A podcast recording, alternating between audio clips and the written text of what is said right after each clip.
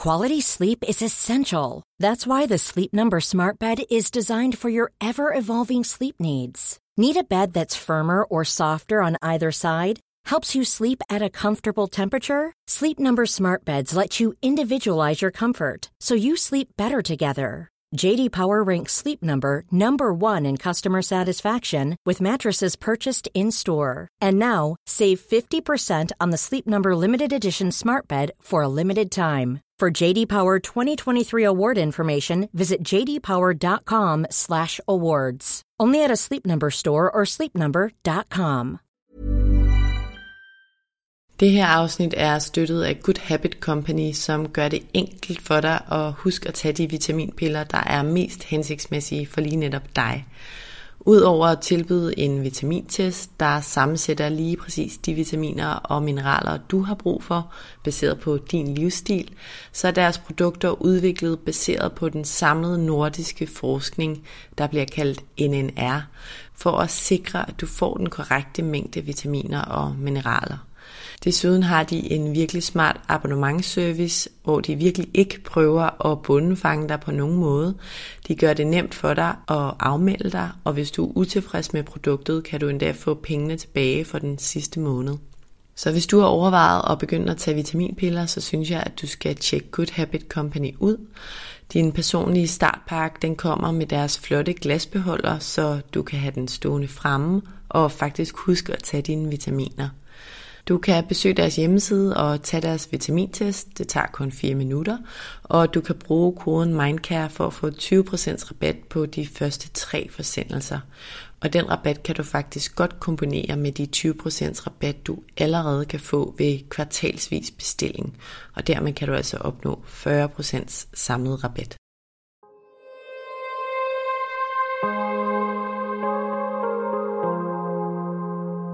Vores mentale sundhed er nedadgående, og det er til trods for, at vi aldrig har været rigere, aldrig har haft flere muligheder og aldrig har levet længere.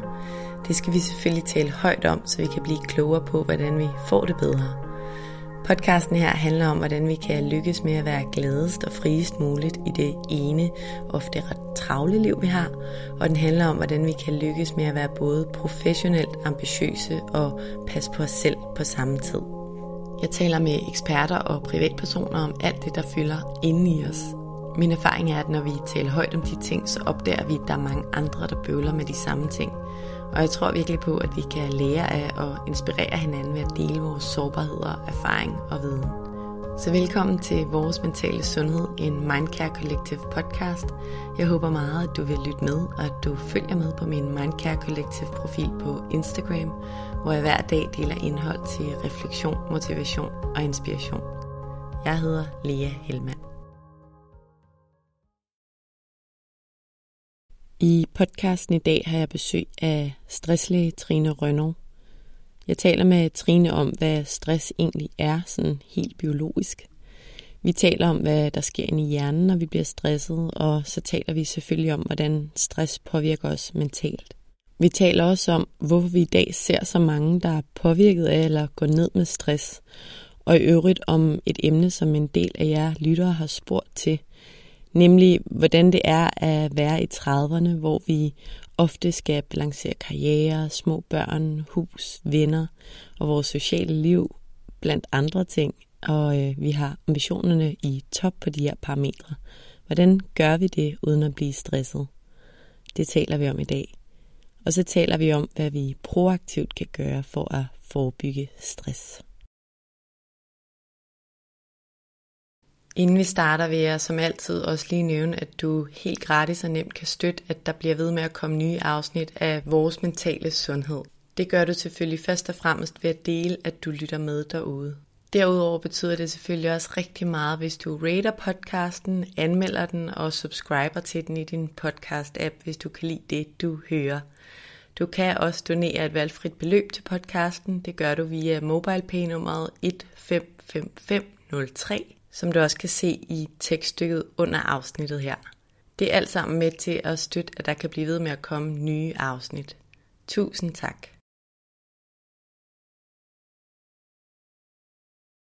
Velkommen til, Trine Rønno. Tak skal du have. Jeg er rigtig glad for, at du vil være med i dag i vores mentale sundhed. Jeg har glædet mig rigtig meget til at tale med dig, fordi vi skal tale om stress. Og det er jo noget, der fylder mere og mere i det samfund, vi lever i. Og det er jo om noget koblet direkte til vores mentale sundhed. Så selvfølgelig skal vi tale om det i podcasten her. Inden vi dykker ned i at tale om blandt andet, hvad stress egentlig gør ved vores hjerne og ved vores krop, og hvordan det påvirker os mentalt, og hvad vi kan gøre ved det, så vil jeg lige starte med kort at introducere dig. Trine, du er lige fyldt 59 år. Du er mor til to drenge. Du er uddannet læge og efterfølgende supplerende som psykoterapeut og mindfulness-instruktør. I dag arbejder du udelukkende med stress i dit eget firma, stresslæge.dk.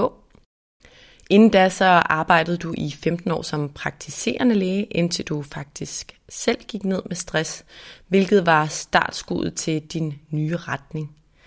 Du har lavet din egen stressterapeut uddannelse, og du har lavet stressforløb, og dit mål er at hjælpe folk med at få redskaberne til at blive stressfri, og som jeg har forstået det, ikke bare her og nu, men resten af livet.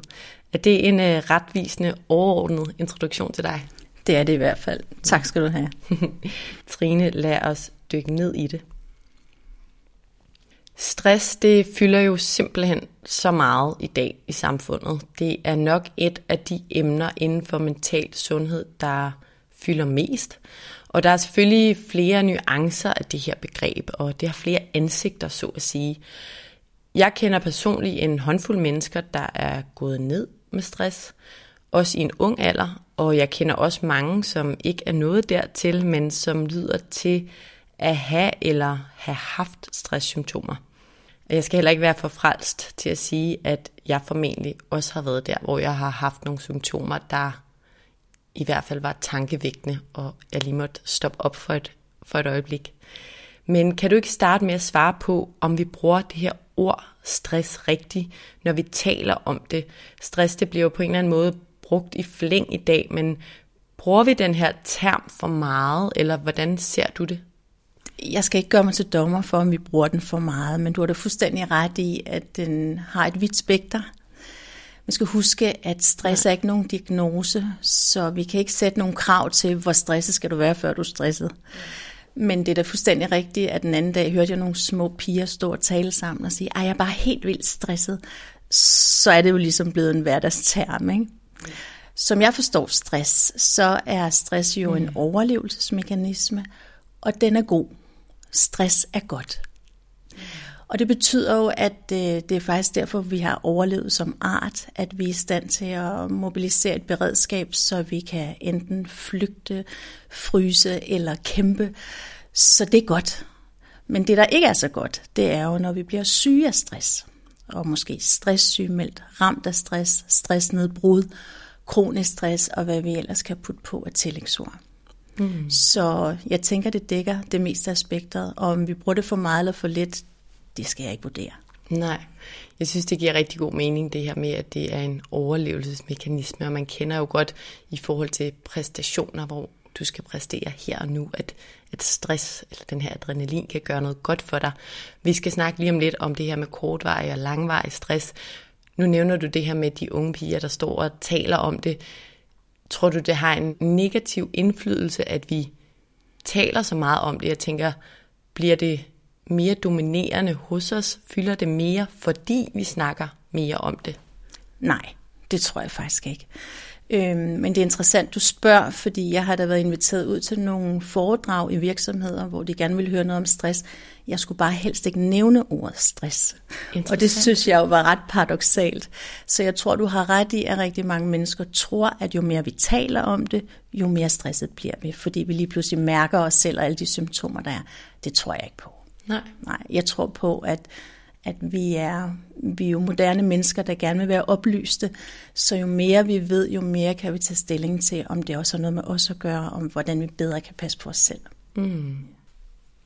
Jeg vil gerne tale lidt med dig om, hvad stress egentlig er, sådan helt biologisk. Nu nævner du det her med, at det er en overlevelsesmekanisme, men som jeg har forstået det, så er der forskel på, om vi føler os stresset over en kort midlertidig periode eller en situation, eller om vi føler det over i en lang periode. Kan du ikke forklare, hvad det er, der sker i hjernen, når vi bliver stresset, både kortvarigt og langvarigt, og når vi bliver syge af det? Jo, altså som sagt er stress en overlevelsesmekanisme. Og der er ligesom en, en ydre trigger, der gør, at vi bliver stresset. Og det, der er interessant her ved mennesket, det er, at øh, det kan være en faktuel ting, det kan være en løve, men det kan faktisk også være tanken om en løve. Det kan være chefen, eller det kan være tanken om, at chefen kommer. Så, så det her med, at, at vores gamle hjerne, det er nemlig der, at stressen bliver udløst, den kan ikke kende forskel på virkelighed og tanker. Det er en ting.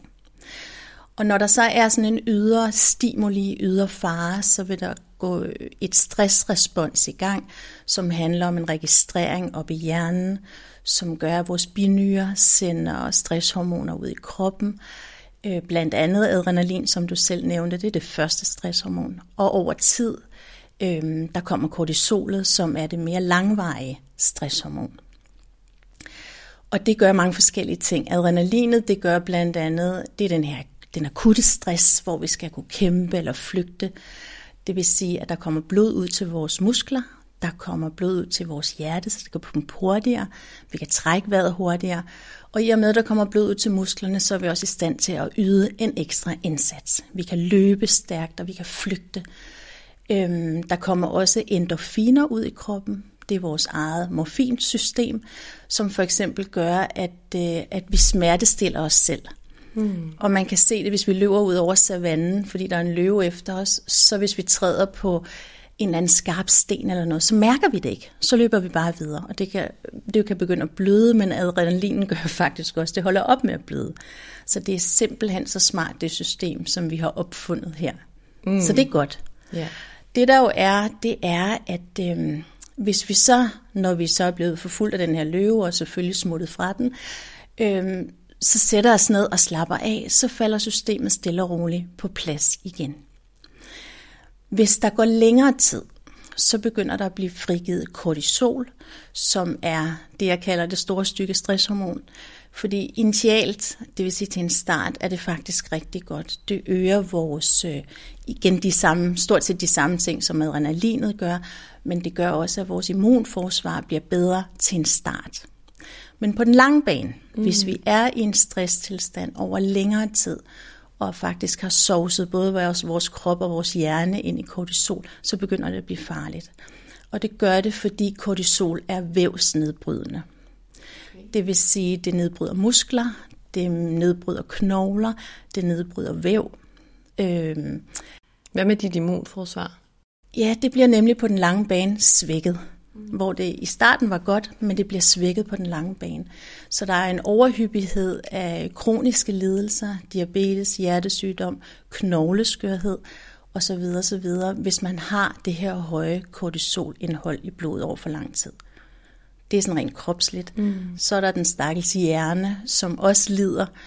Øhm, og i vores hjerne, der findes vores stressreguleringssystem, det hedder hippocampus. Hippocampus betyder søhest på latin sidder her bag ved ørerne.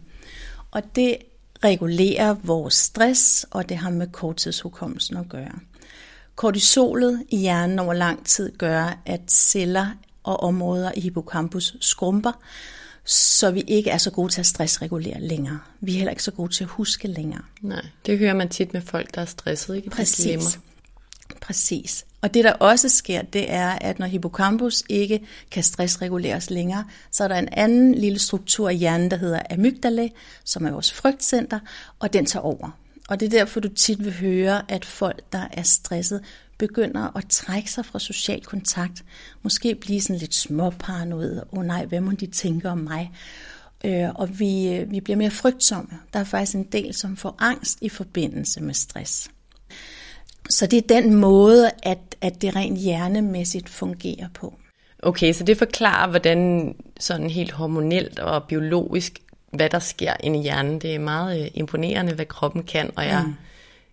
kan også genkende det der med altså de små situationer, hvor hjernen faktisk når at reagere, før jeg selv gør. Ikke? Altså det kan være noget, nu er jeg sådan en meget pligtopfyldende og autoritetsrespekterende person. Ikke? Altså for eksempel den anden dag, der blev jeg stoppet af politiet, fordi jeg åbenbart kørte ned af en ensrettet vej, jeg havde ikke set det. Og altså inden jeg når at tænke det, så er min mave knudret så sammen, og nærmest spænder jeg ballerne sammen, og jeg tænker, altså da den der politimand går er sådan helt spændt i kroppen, og hvor meget overrasket over, altså, det er jo bestemt ikke første gang, jeg har haft den følelse, når man tænker på en helt skoleperiode med eksamener og så videre, men at kroppen kan gøre sådan, uden jeg egentlig er bevidst over, hvad der sker. Lige præcis. Og det er det, der er så interessant med stress, at det bliver reguleret om fra vores krybdyrshjerne, øh, hulemandshjerne. Og nu siger du bevidst om, og vores bevidsthed, den sidder jo et helt andet sted i hjernen, den sidder oppe i den nye hjerne. Mm. Så det er også derfor, du ikke kan tænke dig ud af stress. Du kan ikke sige, der er en politimand, jeg vil ikke blive stresset. Det er ikke sådan, det fungerer. Fordi det her stressrespons, det går lynhurtigt. Og som vi snakkede om før, der kommer blod ud til musklerne, så du kan løbe fra den her politimand. Og nu siger du ondt i maven, og det er faktisk, fordi der bliver taget blod fra maven, fordi hvor skulle vi ellers hente den ekstra ressource fra, som vi propper ud i vores muskler. Så det passer jo super godt. Du spænder op, du passer på dig selv, du er klar, parat, løb, i hvert fald i din krybdyrshjerne. Du vil selvfølgelig aldrig gøre det Nej. i virkeligheden. det er lidt irrationelt, når jeg tænker over det, men ja. det giver så god ja. mening. Ja. Og det er også derfor, det er så svært at bryde det her mønster, fordi selvom vi er nok så kloge, og de, vi er jo kloge, veluddannede, reflekterende mennesker, de langt de fleste af os, og vi tænker, vi kan da bare bruge vores gode hoved til at holde op med at være stresset, men bevidstheden og krybdyrshjernen, de taler bare ikke sammen. Vi er simpelthen op imod øh, altså millioner gammel hjerneaktivitet. Det hulemanden jo gjorde. Han blev også stresset, når han, hvis der var en løve efter ham. Men det han så gjorde, når han kom hjem til sin hule, det var at få noget mad, og så lægge sig ned og sove mm. og restituere. Yeah. Og det er jo sjældent, at øh, vi gør det i dag. Og det er jo nok det, der er et af hovedissuerne i forbindelse med stress, at vi ikke tillader os selv at tage pauser. Vi tillader ikke os selv at restituere og lægge os ned og bare samle ny energi fordi vi skal jo lige. Og det er jo vores bevidsthed, som spænder ben for os. Og det er der, vi adskiller os fra dyrene. At vi har en bevidsthed, den er rigtig god, og vi kan rigtig mange ting, men hold det op, hvor vi også bare spænder ben for os selv, rent stressmæssigt. Ja, og nu kommer du lidt ind på øh, noget, jeg vil spørge om lige om lidt, det her med, hvorfor man det fylder så meget, det her med ikke at slappe af måske, og sådan noget. men lige inden da vil jeg gerne høre, nu taler vi lidt om, hvad der sker sådan helt fysisk inden i os, når vi får stress eller er stresset. Og det jeg gerne vil høre om er, hvad med mentalt, altså hvordan påvirker det os? Nu handler den her podcast jo om mental sundhed. Så hvordan kommer det til udtryk i vores hverdag og i vores glæde og den måde, vi er i livet, at vi er stresset? Det vi snakkede om før, når vores hjerne er påvirket, der vil vi opleve, øh, at vi bliver dårligere til at huske, vi bliver dårligere til at koncentrere os, vi bliver faktisk dårligere til at kommunikere, vi vil have tendens til at, at have svært ved at finde ordene, og ikke rigtigt, hvad var det nu, jeg egentlig skulle sige. Øh, vi trækker os på social kontakt, som jeg sagde, men vi bliver faktisk også mindre kreative. Ikke strikke, hækle kreative, men kreative i forhold til at finde løsninger. Så, så det påvirker os rigtig, rigtig meget mentalt, hjernemæssigt. Så er der jo også en masse øh, adfærdsmæssige ting. Vi bliver kortlundet, så når tingene ikke lige går på vores måde, og vi børnene tager deres støvler på, når vi siger, de skal, eller deres flyverdragt, og ud af døren, for det har jeg styr på og planlagt, så skrider det for os, fordi vi i forvejen er så presset, at vi har det her tunnelsyn. Mm. Så adfærdsmæssigt, du sidder også og smiler, kan jeg se. Kender godt til noget af det, du siger, i nogle situationer.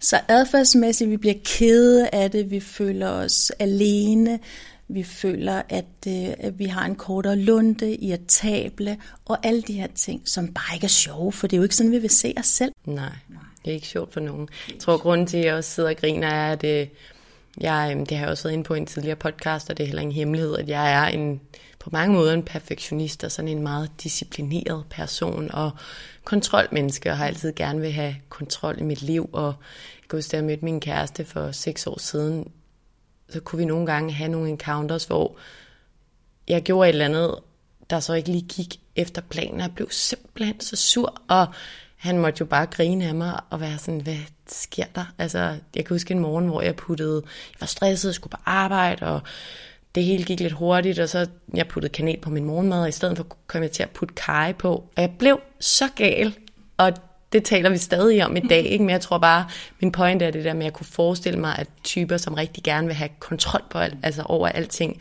de har en tendens til at måske nemmere at blive stresset. Ja. Ja. Ja, lige præcis. Og hvad er kontrol egentlig? Du kan vel ikke have kontrol over noget andet, medmindre du har magt over det. Så det bliver tit det, jeg kalder en pseudokontrol. Du tror, du kan styre dine børn, du tror, du kan styre din mand, men det jo er jo en pseudokontrol, mm. for det er ikke sådan, det er. Nej. Så, så egentlig så, så laver du sådan et helt system for at føle dig tryg, men det er jo bygget på tynde, tynde pinde. Jeg er begyndt at abonnere på sådan et koncept øh, om de historiske principper, der helt sikkert også er i alle mulige andre filosofier, tilgange og teorier, men du kan kun kontrollere dine egne handlinger og dine tanker. Og det tænker jeg virkelig over nogle gange, når jeg bliver så irriteret, at sådan, men jeg kan ikke gøre noget ved det. Så er der heller ingen grund til at irritere sig over det. Og hvis du kan gøre noget ved det, så gør noget ved det, ikke? Og jeg vil endda sætte spørgsmålstegn ved, om du kan kontrollere dine egne tanker. Ja, det kan man øve sig på i hvert fald. Det kan være svært, men man kan øve sig. Man kan i hvert fald øve sig på ikke at hænge fast i tankerne. Ja. Fordi vi har jo 60.000 tanker i døgnet, og når vi er stresset, har vi endnu flere, mm. så de bobler bare derud af. Mm. Ja. Få nogle strategier, ja. så man lader det finde ja, mindre. præcis. Trine, som nævnt, så handler den her podcast jo om mental sundhed, og om, at vi på mange måder har det virkelig godt i dag i forhold til velstand, i forhold til, hvor længe vi lever, i forhold til, at vi har flere muligheder, end vi nogensinde har haft. Men mentalt er vores helbred nedadgående, og her spiller stress jo en, en stor rolle. Sundhedsstyrelsens tal omkring stress, de er enormt høje. For eksempel har 29 procent af alle kvinder og 21 procent af alle mænd i Danmark i den seneste rapport et højt stressniveau, og for kvinder i alderen 16-34 år er tallet 37 procent, og for mænd i samme alder er det 24 procent. Det er jo ekstremt høje tal, og der er altså mange af os, der er stresset. Hvorfor tror du, vi ser de her tendenser i dag? Du var inde på før eller lidt tidligere det her med, at vi måske ikke er så gode til at sætte os ned og hvile os. Mm, yeah. Hvad, hvad ser du ellers af tendenser? Øhm, for det første vil jeg stille et spørgsmålstegn ved de tal. Mm. Øh, fordi stress er jo ikke nogen diagnose, så gå ved, hvad de har taget udgangspunkt i. Det er så det ene. Det er jo en af mine store ambitioner her i livet, at gøre stress til en diagnose, så vi ved, hvad vi har med at gøre, så vi kan lave noget forskning på det. Det vil blive dyrt for samfundet, men helt sikkert meget relevant. Ja, så ved vi i hvert fald, hvad vi taler om, at det ikke er den tilfældige definition af, hvad stress er. På svensk hedder stress jo ytmatning. Og det giver jo rigtig god mening, at vi er udmattet, når vi er stresset. Ikke? Men tilbage til dit spørgsmål. Jeg tror, vi har for mange muligheder. Jeg tror, vores bevidsthed spiller også et pus i forhold til, øh, hvad vi gerne vil, og hvilke ambitioner vi har. Jeg skældner tit mellem selvtillid og selvværd, fordi selvtillid, det er jo meget det ydre. Det er, øh, hvordan vi viser os i verden, hvordan andre folk gerne, det indtryk, de gerne skulle have af os, vores faglighed, vores kompetencer. Og hvis vi er meget oppe i vores selvtillid, så vil vi hele tiden søge ros og anerkendelse. Så der kan vi komme til at løbe rigtig, rigtig stærkt, og nok også så stærkt, at vi faktisk kommer til at overskride vores egne grænser, så vi presser os selv unødigt. Så, så jeg tænker, at, at mulighederne i og med, at vi kan arbejde hjemme, øh, det gør jo, at øh, hvor er grænsen mellem fritid og arbejde? Øhm, jeg tænker også, at vi stiller og roligt. Vi er måske præget, eller nu er du noget yngre end mig, er blevet præget af den måde, dine forældre har arbejdet på. Dine børn kommer til at være præget af den måde, du arbejder på. Du kan altid sidde med laptoppen. Øhm, så hvornår holder vi fri? Og hvad er det at holde fri? Er det at holde fri, at vi skal på en eller anden øh, oplevelsestur, hvor vi tonser rundt på mountainbikes eller kravler i træer, hvilket jo kan være fedt nok, men vi skal bare huske, at det er aktivitet på aktivitet på aktivitet. Så derfor er jeg optaget af, at øh, i mit stressforløb er mindfulness og compassion en vigtig del, at lære folk at komme ned i gear, tage deres pauser, fordi vores, el- vores hjerne elsker os for det, at den får noget ro og den ikke skal hele tiden danne mening i de ting, vi siger, ser, hører og fornemmer. Det synes jeg giver god mening, og nu nævner du det her med selvtillid og selvværd, og et af mit første afsnit i den her podcast-serie er faktisk et øh, afsnit med psykologen Jørgen Svendstrup, der definerer de her ting, hvor vi også taler om sammenligninger. Men jeg synes, det giver rigtig god mening, og det her med, at vi lever i et samfund, hvor vi konstant kan sammenligne os med folk via internettet, sociale medier.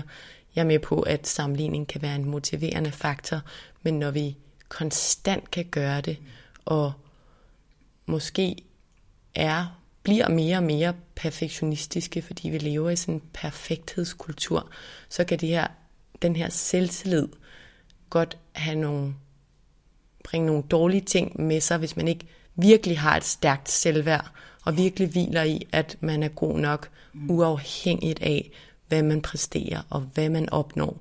Og jeg kan sidde og sige det her, og alligevel kæmpe med det.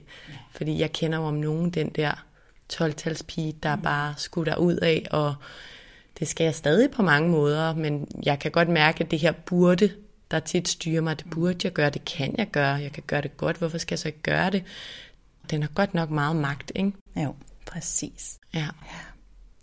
Ja, den her forskel på selvtillid og selvværd, den er jeg meget optaget af, fordi jeg ser en tendens til, at jo, jo sværere vi har ved at komme ud af vores stress, at det hænger sammen med vores selvværd. Fordi hvis vi har et godt selvværd, øhm, så vil vi formå at trække stikket, restituere, passe på os selv, tage i sommerhus, og mens de andre står og siger, jamen kan du ikke lige? Nej, det kan jeg så ikke, fordi jeg skal lige passe på mig selv.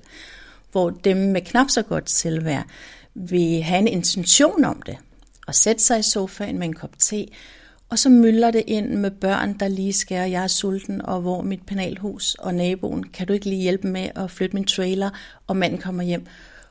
Og så bliver det lige pludselig de andre, der er vigtigere. Så det her med ikke at hvile i sig selv, ikke at tage sig selv alvorligt, men hele tiden være over i de andre og gøre det, de andre beder os om, og faktisk være ude af sig selv. Det ser jeg som en kæmpe, kæmpe faktor i forhold til, hvorfor det er svært at komme ud af stress. Og det er også derfor, online-kurser ikke virker.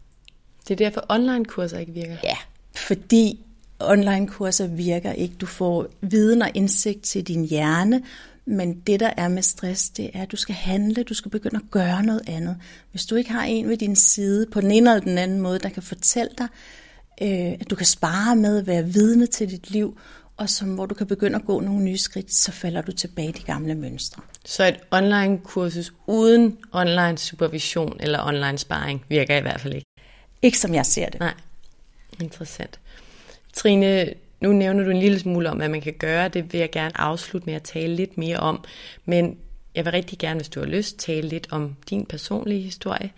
For du arbejdede som praktiserende læge i 15 år, og i løbet af de år, så havde du også uddannet dig som psykoterapeut og mindfulness-instruktør, som jeg nævnte i indledningen, fordi du troede og tror på, at mennesket skal tilgås holistisk. Og derfor gik du, inden du gik ned med stress, også op i, hvad der egentlig sker inde i os mennesker psykisk, og hvordan det påvirker os. Men i 2014 gik du altså selv ned med stress. Kan du ikke fortælle lidt om, hvad der skete på det tidspunkt?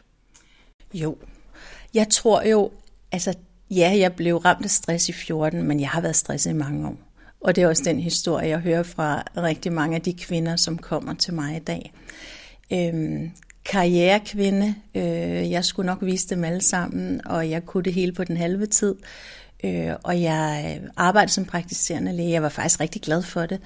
Øhm, men jeg knoklede øh, og jeg havde også to små børn. Øh, og jeg kan huske, at mit, min første praksis, der var jeg sammen med fire mandlige læger, sådan halvgamle, ligesom jeg selv er nu.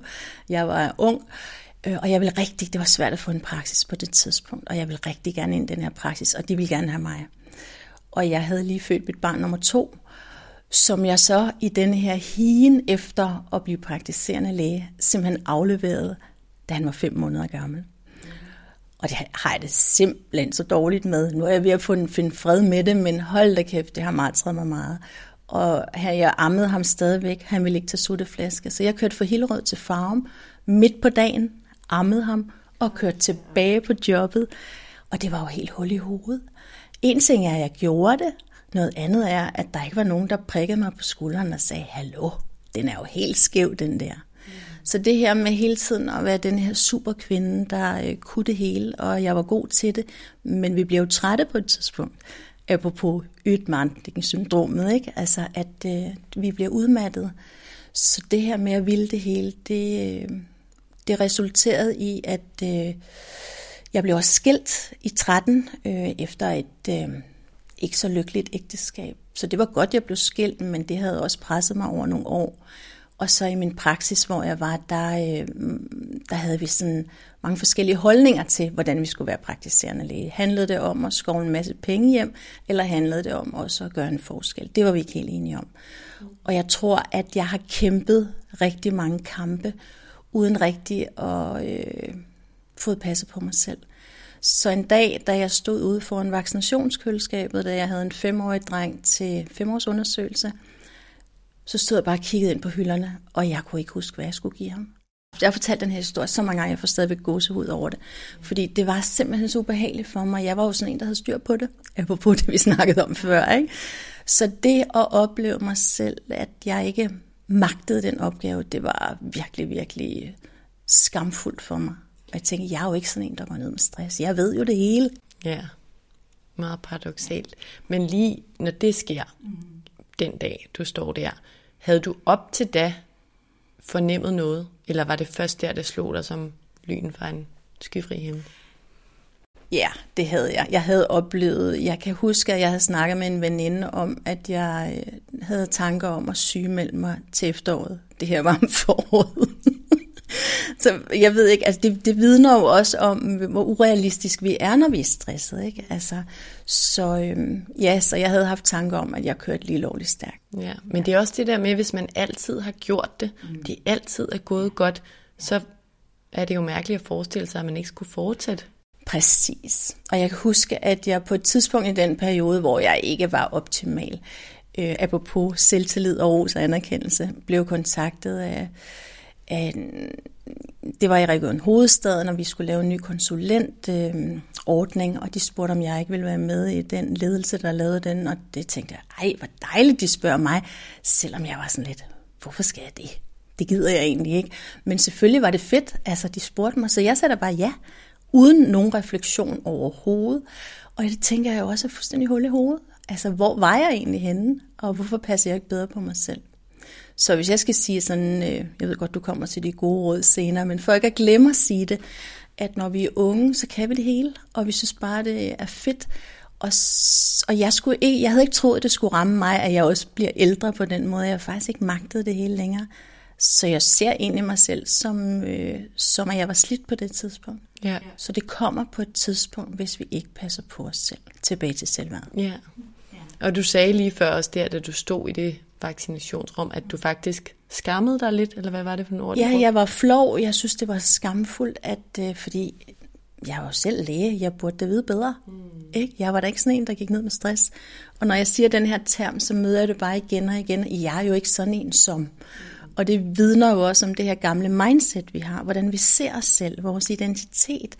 Og det er jo lige præcis også noget af det, man i sin stress eller kommende ud af stress, har brug for at kigge på, hvem er jeg egentlig? Og hvad er det, jeg vil resten af mit liv? Og hvordan kan jeg leve en bæredygtig tilværelse for mig selv? Mm. Hvad gjorde du for at få det bedre på det tidspunkt?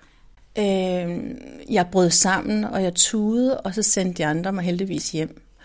Og så blev jeg hjemme. Og så var jeg hjemme i øh, fire måneder.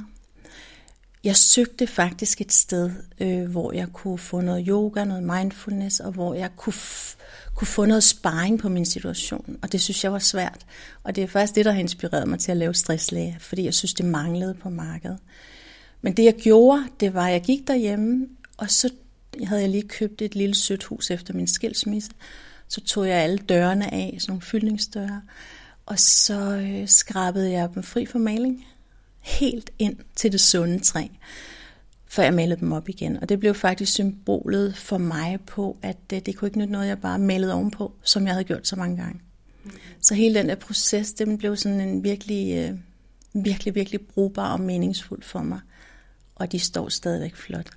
Og hvordan har du det i dag? Er der stadig nogle gange, du kan blive trigget på en måde, du kan mærke er usundt for dig, eller er du bare 100% fit for fight hele tiden?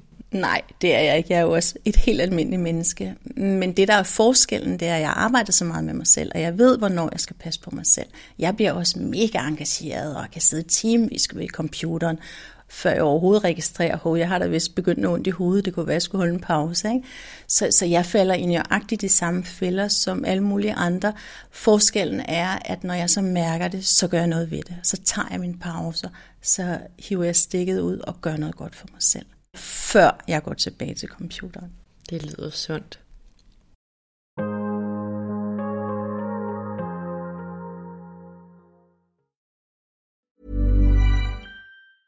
Quality sleep is essential. That's why the Sleep Number Smart Bed is designed for your ever evolving sleep needs. Need a bed that's firmer or softer on either side? Helps you sleep at a comfortable temperature? Sleep Number Smart Beds let you individualize your comfort so you sleep better together. JD Power ranks Sleep Number number 1 in customer satisfaction with mattresses purchased in-store. And now, save 50% on the Sleep Number limited edition Smart Bed for a limited time. For JD Power 2023 award information, visit jdpower.com/awards. Only at a Sleep Number store or sleepnumber.com. I'm Sandra, and I'm just the professional your small business was looking for. But you didn't hire me because you didn't use LinkedIn jobs. LinkedIn has professionals you can't find anywhere else, including those who aren't actively looking for a new job but might be open to the perfect role, like me. In a given month, over 70% of LinkedIn users don't visit other leading job sites. So if you're not looking on LinkedIn, you'll miss out on great candidates like Sandra. Start hiring professionals like a professional. Post your free job on linkedin.com/people today. Trine, der er noget, som kobler sig meget til din historie, og egentlig også til min egen historie, som jeg rigtig gerne taler om. Du har en lille smule været inde på det, men det er noget, jeg faktisk får mange henvendelser omkring, når jeg spørger til, hvad folk gerne vil høre om, og det er noget, som jeg tænker, at du helt klart kan give input til. Og det handler om det her med typiske 30'erne, tror jeg godt, jeg kan sige, uden at generalisere for meget.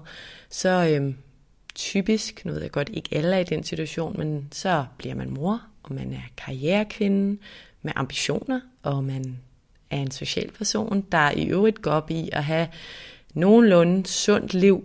Hvordan undgår den her person at blive stresset? Fordi det er jo typisk i de her 30'ere, at vi ja, har de her små børn, som af gode grunde kræver rigtig meget. Vi køber måske et hus, som også skal holdes i stand. Vi etablerer ja, den her karriere, samtidig med, at vi også vil opretholde de nære relationer, og det hele skal være godt. Så, så folk spørger om, og jeg vil også gerne selv vide det, og jeg kan i hvert fald også godt genkende overvejelsen, hvordan skal vi jonglere det her liv på en måde, så vi bliver tilfredse i forhold til det, vi opnår på de forskellige parametre, uden at blive stresset? Det er et godt spørgsmål. Øh, måske skal vi være mindre ambitiøse. Måske skal vi have en overvejelse om, jeg virkelig skal det hele på den halve tid. Men det ved jeg godt, det her med at få gode råd fra andre, det er jo sjældent det, der virker. Så tit skal vi jo have smagt, at, at det bliver for meget, før vi begynder at gøre noget ved det. Men, men tilbage til det med bevidstheden om mennesket, og hvordan det skiller sig ud fra dyrene i forhold til at ville meget mere, altså, end vi egentlig har kræfter til. Så det her med at ville meget mere mentalt, end vores krop egentlig har lyst brug for, det er jo nok det helt store issue, tænker jeg. Så jeg skal jo ikke gøre mig til dommer over for, om, øh, om man også kan renovere sit nye hus, mens man har små børn, og jo ikke karriere. Det er jo et, et, et mønster, der gentager sig fra generation til generation, tænker jeg. Men, og jeg tænker, der er rigtig mange, der sagtens skal klare det. Og det er jo dem med det gode selvværd. Men dem med ikke så godt selvværd, de kan have svært ved at klare det, fordi at de vil leve op til noget, som de egentlig ikke magter i præstationen, perfektionismens, den kæmpe store hammer, jeg banker mig selv oven i hovedet med, mening. Ikke? Altså, det bliver sådan, øh, så, jeg, så jeg ser det stadigvæk, om det er en kvinde på min alder, om det er en ung kvinde med små børn osv. osv. Det er egentlig det, der er så vigtigt. Det er mennesket bag, tænker jeg, at øh, vi, kan, vi kan alle sammen blive stresset akut.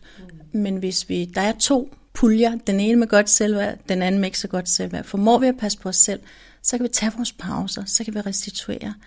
Fordi egentlig handler det måske om at sige nej til nogle ting, og sige, her bliver jeg ikke perfekt, og derfor er jeg, er jeg alligevel god nok, og hviler i mig selv. Ja, præcis. Altså, så det her med at, øh, at være tilfreds, mm. måske er det også et, et øh, hovedord her. Mm. Hvornår er du tilfreds, eller hvornår vil mere have mere, og hvad er det egentlig, du stræber efter, og og hvad er det, du gerne vil vise verden. For hvis du er optaget af at vise verden, hvor god du er, så skal du lægge nogle kræfter i, og det er ikke sikkert, at du har de kræfter. Mm. Men hvis du hviler i dig selv og siger, det er fint, der må gerne være nuller mænd i hjørnet, mm. og min, til gengæld er mine børn glade, det går, at de er snot lige nu, men sådan er det. Mm. Ikke? Jeg tror, at det, der også gør det oveni svært, det er de der sociale medier. Jeg ved godt, jeg nævnte dem mm. før, men du sagde også, det gentager sig i generationer. Men nu er der bare de der mange muligheder. Vi ser, hvordan man kan gøre alt perfekt. Du ved, de køber det gode hus derovre, og de får så mange børn, og de laver den der sport, og de har den der karriere. Jeg tror, dengang vi ikke kunne se det, så var vi lidt forskånet på en, på en måde. Og jeg tænker i hvert fald, det, ja, det kan være lidt farligt, hvis vi ikke passer på os selv og er bevidste om, at det er et glansbillede derude. Omvendt var der også en gammel saying, der sagde, at det græsset er altid grønnere end hos naboen. Ikke? Så der har alligevel været et eller andet. Hvad var det, man flashede på sin tørre snor og så videre og så videre. Men selvfølgelig har du fuldstændig ret. Vi bliver overeksponeret. Jeg kan selv, øh, jeg lever jo selv af at være på sociale medier, og det er der, folk ser mig. Nogle gange kan jeg få kvalme af at gå derind. Altså, det har jeg faktisk aldrig sagt højt før, men altså, det, det bliver for meget.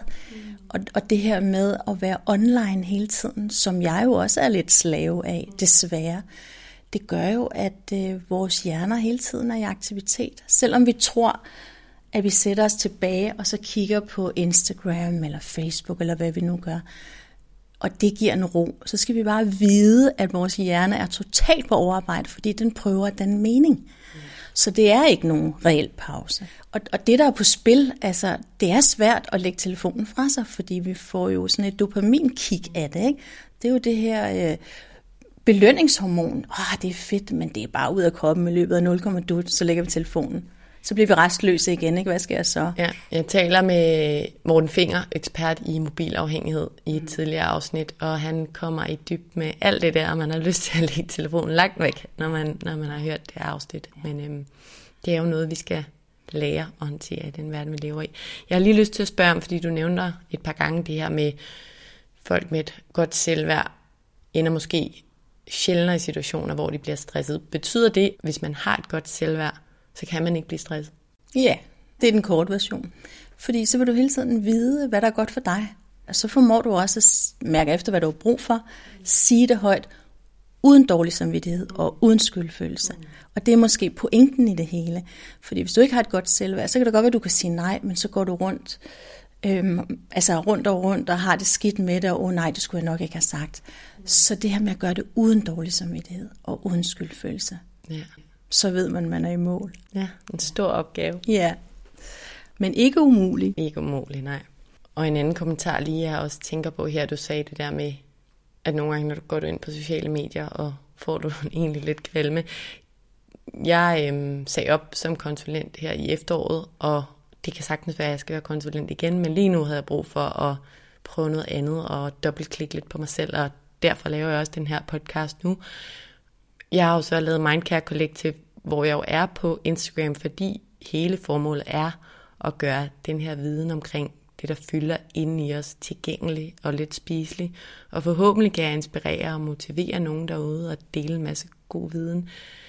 Men så er jeg også nødt til at være på Instagram, og jeg tænker nærmest over det dagligt, fordi jeg kan jo godt mærke, at det ikke er sundt for mig, og jeg skriver også om det og opfordrer også folk til at lægge den lidt væk, men det er godt nok et dobbeltsidet svær, og ja, det er altså integreret i vores samfund og i den måde, man laver virksomhed på og, og så videre, at det er noget, vi kæmper med. Ja, præcis. Jeg har lige besluttet, at øh, jeg bruger også Facebook rigtig, rigtig meget. Måske er det for de lidt mere modne kvinder, som kommer til mig. De yngste er midt i 30'erne. Sådan noget. Øh, men at jeg ikke vil bruge øh, Facebook som kanal, når de ligesom er tunet ind på min forløb, fordi de skal ikke føle, at de skal være på Facebook, når de er i en stressbehandling. Det ville jo være helt absurd. Men det er bare et paradoks, ikke? Det er et paradoks, det er det virkelig, ja. Trine, vi er ved at være ved vejs ende, men øh, jeg vil gerne lige høre om to spørgsmål til. Du kan jo ikke i en podcast på ja, tre kvarters tid, eller hvad det ender med at blive, give folk løsningen til, hvordan de bliver og forbliver stressfri. Men kan du ikke sådan lidt mere overordnet fortælle om, hvad er det, vi skal fokusere på og prioritere for så vidt muligt at undgå stress? Hvad er det, vi skal være opmærksom på? Du har nævnt pauserne, så har du nævnt selvværdet. Det er jo ikke noget, man bare ændrer fra dag til anden. Så, og der er formentlig, forestiller mig heller ikke one size fits all, sådan en til en.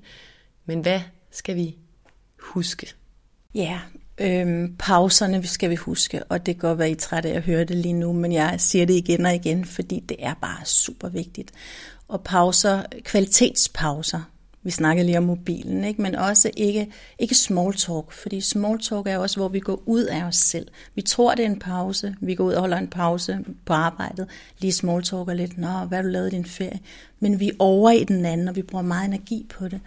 Så pauser for mig er ro, stillhed, eventuelt en meditation, hvor vi virkelig kommer ned og fornemmer, hvordan vi har det i kroppen. Fordi hvis vi hele tiden har kroppen med, så er den klog. Den er klogere end vores hoved. Og så kan vi faktisk lytte os til, hvad der er godt for os.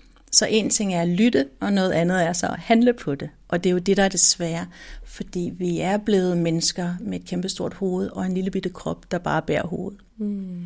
Så pauser er vigtige, og dybest set 10 minutter hver time. Hver time? 10 minutter hver time.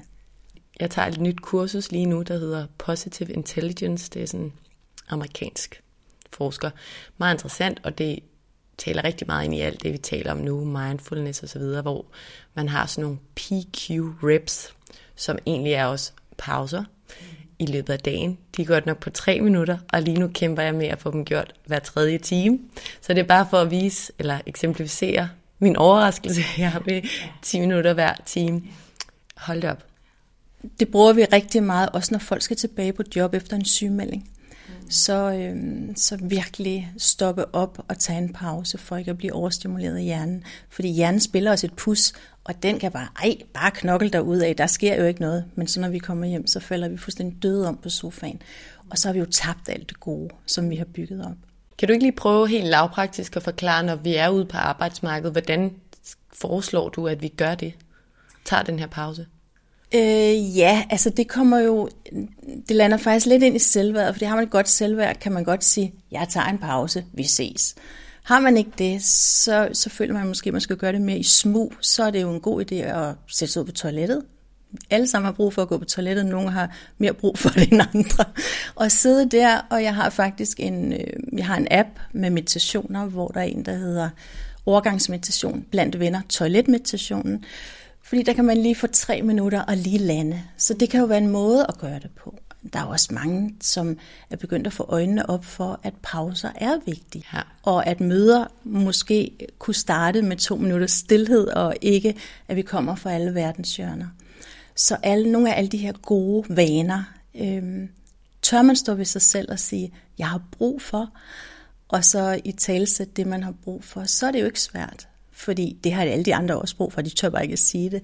Men jeg er med på, at det kan være svært. Der er i hvert fald måske også noget med en arbejdskultur, der også respekterer det, eller i hvert fald nogle chefer. Jeg synes også, man ser mange flere, eller en retning i, at det forstår de godt, og det respekterer de. For det er jo en arbejdskraft, der skal blive ved med at kunne arbejde, og ikke gå ned med stress, men øhm, jeg tænker, der stadig er en rejse foran virksomhederne. Ja, der er rigtig mange øh, af dem på mit stressforløb, aldrig med stress igen, som efter de for eksempel kommer hjem fra retreatet, som ligger midtvejs, hvor vi altid starter med 10 minutter stillhed, når vi spiser, for lige at smage på maden og lugte og lige lande, at øh, de tager det med sig hjem, både i familierne, men egentlig også på arbejdspladsen. At selvom der er frokostpause, så trække sig lidt, fordi de faktisk har brug for den hjernepause, som det jo er. Ja. Så det var pauserne. En anden ting, der er vigtig, øhm, og som faktisk ikke er så kendt, det er langsomhed. Langsomhed? Langsomhed i tale og langsomhed i bevægelse. Og grund til, at jeg siger det, det er, at øhm, hvis vi bevæger os hurtigt, taler hurtigt, hvis jeg begynder at sidde sådan her, så hører, hører min gamle hjerne det, og så tænker den, fuck, hun er stresset. Jeg sender nogle stresshormoner ud i kroppen. Så vi kommer faktisk til at skyde os selv i foden. Så det her med at skynde sig og gøre tingene færdige, og så kan jeg sætte mig ind i sofaen, det er en rigtig dårlig idé. Så, så hvis vi skal gøre noget godt for os selv, så skal vi gøre tingene langsomt, og så skal vi gøre én ting ad gangen. Og så skal vi lige trække vejret ind imellem, inden vi går videre. Fordi vi er alle sammen udfordret af det, vi kalder monkey mind. Så det her med, at tanke hopper fra gren til gren, ligesom en abe. Ej, nu, nu skal jeg sætte mig ned i sofaen, men jeg skal lige ordne køkkenet. Det kan jo ikke se sådan der ud, vel? Og så er jeg parat til at sætte mig ned, så ser jeg, ej, jeg skal lige puste det der vindue. Det kan jo ikke se sådan der ud. Så vi hele tiden holder os selv kørende i aktivitet, i gøren, frem for at komme ned i væren, som er der, vi restituerer. Mm. Så at få brudt det der mønster, det er mega svært, men det kan lade sig gøre. Ja. Og hvad kræver det? Ja, det er jo, uha, der bliver jeg udfordret igen, fordi at, at vaner er svære at ændre. Og det ved I jo alle sammen, der er jo ikke noget nyt i det. Men, men det, der ligger bag, at vaner er svære at ændre, det er jo, at vores gamle hjerne, den vil gerne spare på energien. For tænk nu, hvis vi skal bruge øh, vores system, vores stressenergi lige om lidt, så skal vi ikke have brugt al energien på en ny vane. Så det at gøre noget andet, end vi plejer, det er sindssygt udfordrende. Du skal have en med dig, du skal have nogen på sidelinjen, der kan hjælpe dig til at holde fast i din nye proces. Uanset om det er din mand, veninde, øh, coach, terapeut eller hvad det er, der skal noget uden for dig med. Fordi du vil lynhurtigt føle dig kaldet til, ej kom nu, du kan jo godt, tag dig nu sammen, ikke? og så kører vi igen. Så være enormt disciplineret omkring vaner, og så have nogen Ja, og disciplineret, så er vi tilbage i det her med hammeren og, og presse os selv. Ikke? Så, så det er også et eller andet med at vægte sine ord. Hvad er det egentlig, jeg vil byde mig selv? Mm. Det er der, mindfulness kommer ind for mig, fordi der taler vi venligt til os selv, og uddømmende, og det er meget svært, men det kan lade sig gøre. Jeg tænker, du har en god point i det her med at have nogen med, også nu, da jeg arbejdede som konsulent, så havde vi jo selvfølgelig også rigtig meget læringsteori, og det der med et indsigt, som du også nævner i forhold til online-kurset, det giver os kun, at det 10 eller 20 procent af den viden og behavior, vi får med os, altså den ønskede adfærd.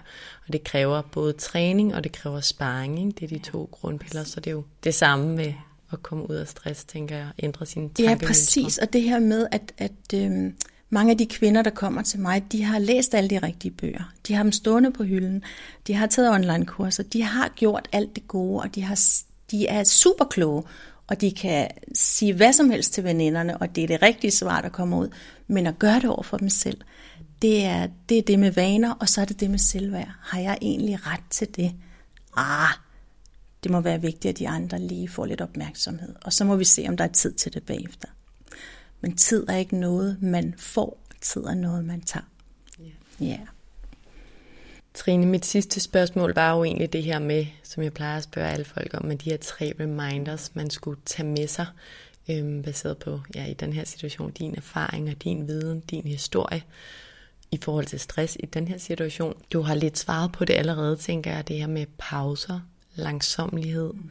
vaner, prioritering. Er der andet, vi mangler at fornemme? Ja, jeg synes, at øhm, værdier, hvad er det egentlig, du vil med dit liv? Vil du halse efter, og vil du leve op til alle de idealer, der er omkring dig? Eller har du brug for at sidde sammen med dine børn, når de laver lektier, og ikke hele tiden være på Instagram? Så det her med, en ting er, vi kender sikkert alle sammen, værdier, det er noget, der hænger på billeder på væggen på virksomheder, men det er ikke noget, der bliver levet ud nødvendigvis, vel? Men hvad er det egentlig, du vil? Fordi man kan også sige stress. En anden måde at se stress på, er jo, at der er gået kluder i vores værdier. Mm. Vi vil en hel masse, men er det egentlig godt for os selv? Mm. Det kan jeg også godt genkende, at nu tror jeg i ja, de tidligere podcast-afsnit, jeg på forskellige tidspunkter også fortæller lidt om mig selv og har valgt at åbne op og være lidt sårbar her. Men da jeg sagde op, så den proces, jeg tog, var også meget for at sådan, ja, dobbeltklikke på mig selv og spørge mig om, Lea, hvad gør dig egentlig glad? Mm.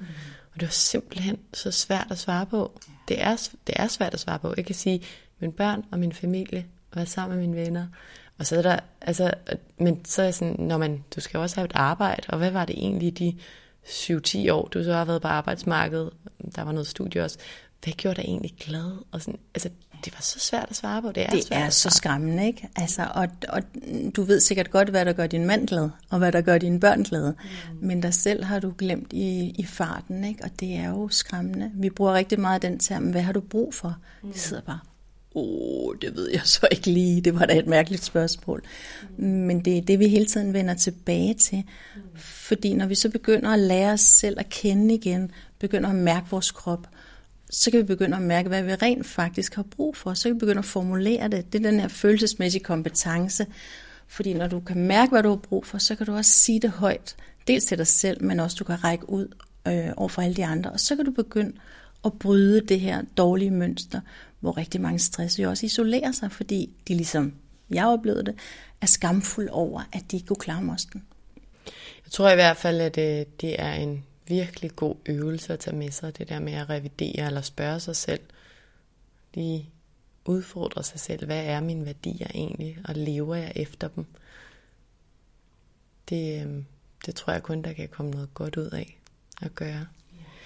Jeg øh, refererer også tit til, eller ikke tit, men har gjort det et par gange i nogle posts, til den der hospice-undersøgelse, der er lavet. Jeg tror, mange kender den, men hvad de døende siger. Nu så jeg faktisk meget på brug Instagram lige tidligere i dag. Også nogle gamle mennesker, der sidder med hver deres tavle og 94 år, 95 år. Og hvad vil de sige til ungdommen? Ikke? Og det handler jo alt sammen om, vær glad, take it slowly, lad være stress over andre, ja, vær, vær hvor du er. Og... Der er i hvert fald sjældent, de siger, at jeg skulle arbejde noget mere. Nej, hvor skulle jeg have lavet flere slides, og hvor skulle jeg bare have været længere på kontoret. Så er der selvfølgelig noget omkring økonomi, og mange har en eller anden drøm om økonomisk uafhængighed, og det giver sikkert også mening med en økonomisk faktor til en vis grad, men det stopper også bare ikke, og det er livet og glæden, tror jeg på, er så meget andet end det. Så vi skal finde ind i os selv, det tror jeg også. Ja, og så det der med, at, at tit er vi jo øh, optaget af materielle goder, for vi tror, det gør os lykkelige. Og det er da også dejligt. Det er da fedt at få noget nyt tøj, en ny taske, et nyt hus. Kortvejet, ikke også?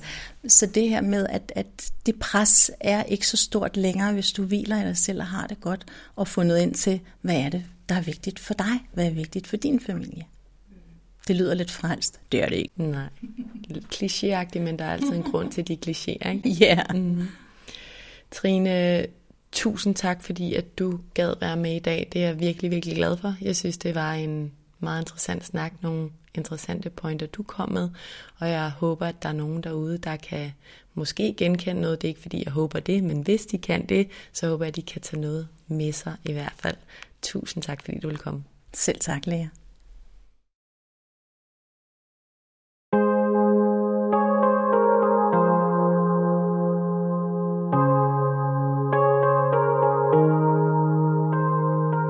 Ud fra at snakke med Trine i dag er det helt tydeligt, at Trine ser pauser som afgørende for, at vi kan forebygge stress. Vi skal altså give kroppen hvile og pauser, men det skal være kvalitetspauser. Det blev nævnt en del gange, men jeg synes virkelig også, at det er et vigtigt budskab, fordi det er svært at holde pauser, når alt omkring os det går hurtigt, og når vi altid skal ordne ting, og i øvrigt altid kan underholde os selv lige derfor enden af hånden på telefonen.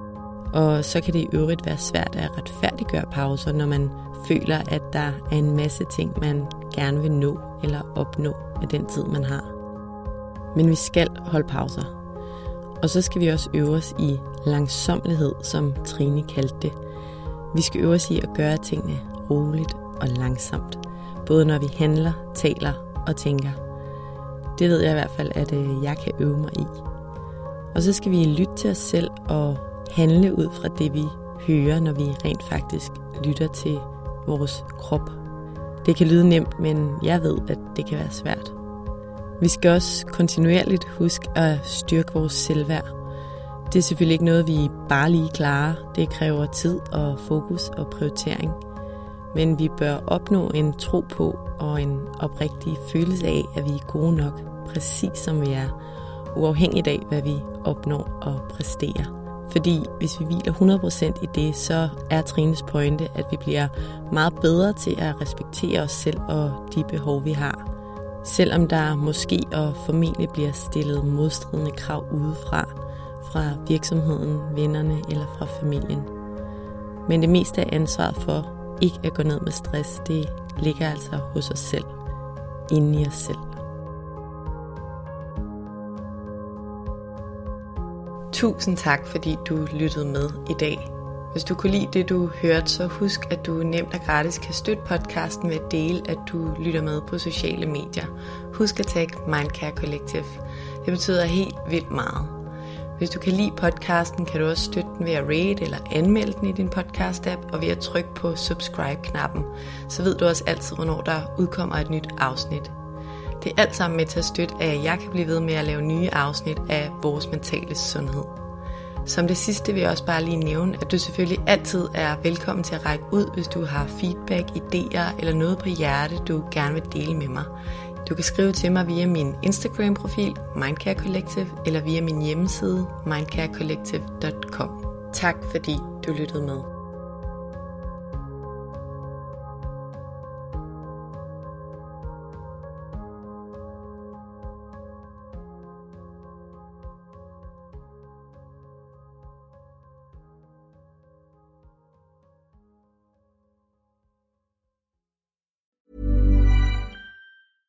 Mom deserves the best, and there's no better place to shop for Mother's Day than Whole Foods Market. They're your destination for unbeatable savings, from premium gifts to show-stopping flowers and irresistible desserts. Start by saving 33% with Prime on all body care and candles. Then get a 15-stem bunch of tulips for just $9.99 each with Prime. Round out Mom's menu with festive rosé, irresistible berry chantilly cake, and more special treats. Come celebrate Mother's Day at Whole Foods Market.